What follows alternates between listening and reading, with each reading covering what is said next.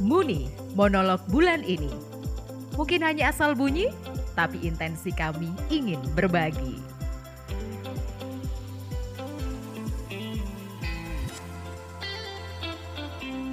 Di Ekaristi pernah terlibat sebagai apa? Uh, sebagai lektor.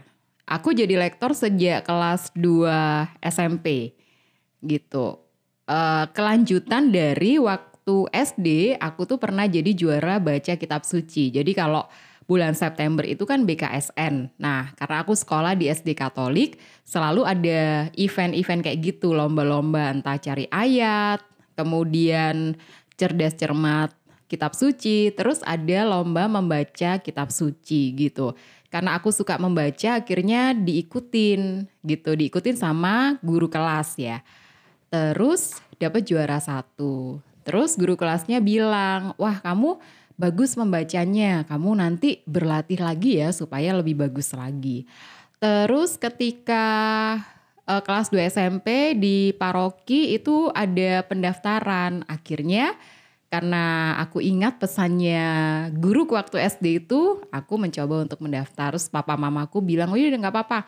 Kayaknya waktu itu aku kelebihan energi gitu loh. Jadi harus dicariin kegiatan-kegiatan apa gitu ya.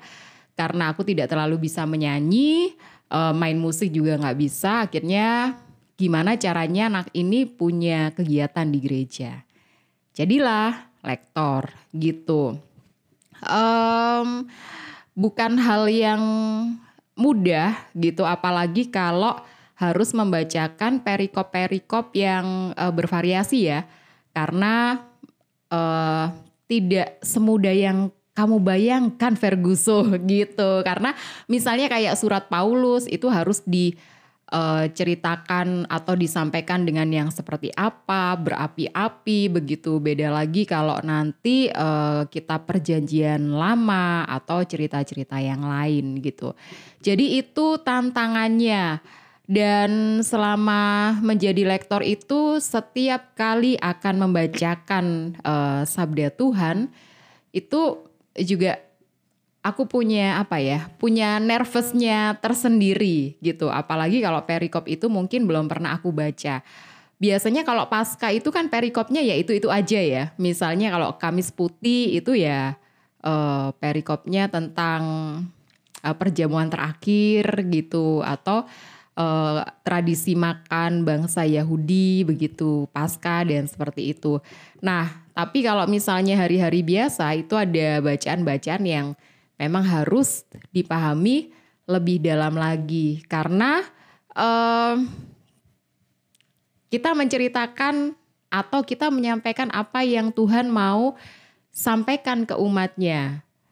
Dulu mentorku di lektor, bukan mentor ya apa ya. Jadi kan setiap setiap ada periodik di mana lektor itu dibina gitu ya diasah lagi bukan hanya pengetahuan kitab suci tapi spiritnya. Selalu dibilang ketika Anda membacakan sabda Tuhan, menyampaikan firman Tuhan, jangan sampai orang lain melihat Anda, tapi melihat Tuhan. Jangan sampai orang lain mendengar suara Anda tetapi mendengar suara Tuhan. Jadi menjadi lektor itu juga uh, melatihku menjadi rendah hati, menjadi bukan siapa-siapa begitu karena yang sedang disampaikan kepada umat adalah Tuhan itu sendiri. Gitu.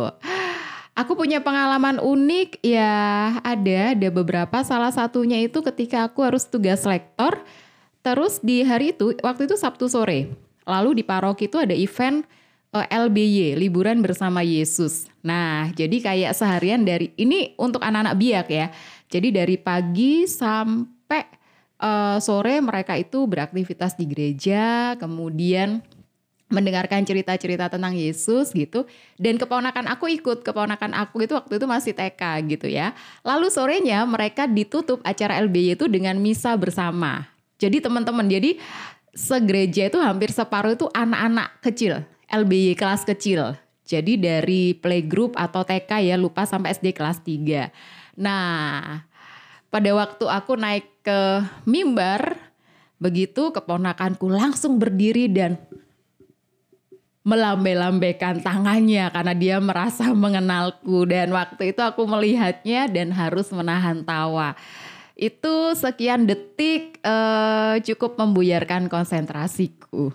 Setelah itu aku selalu pesan ke dia untuk tidak misa bersamaku pada waktu aku bertugas lektor gitu. Kami hanya bercerita, semoga suka.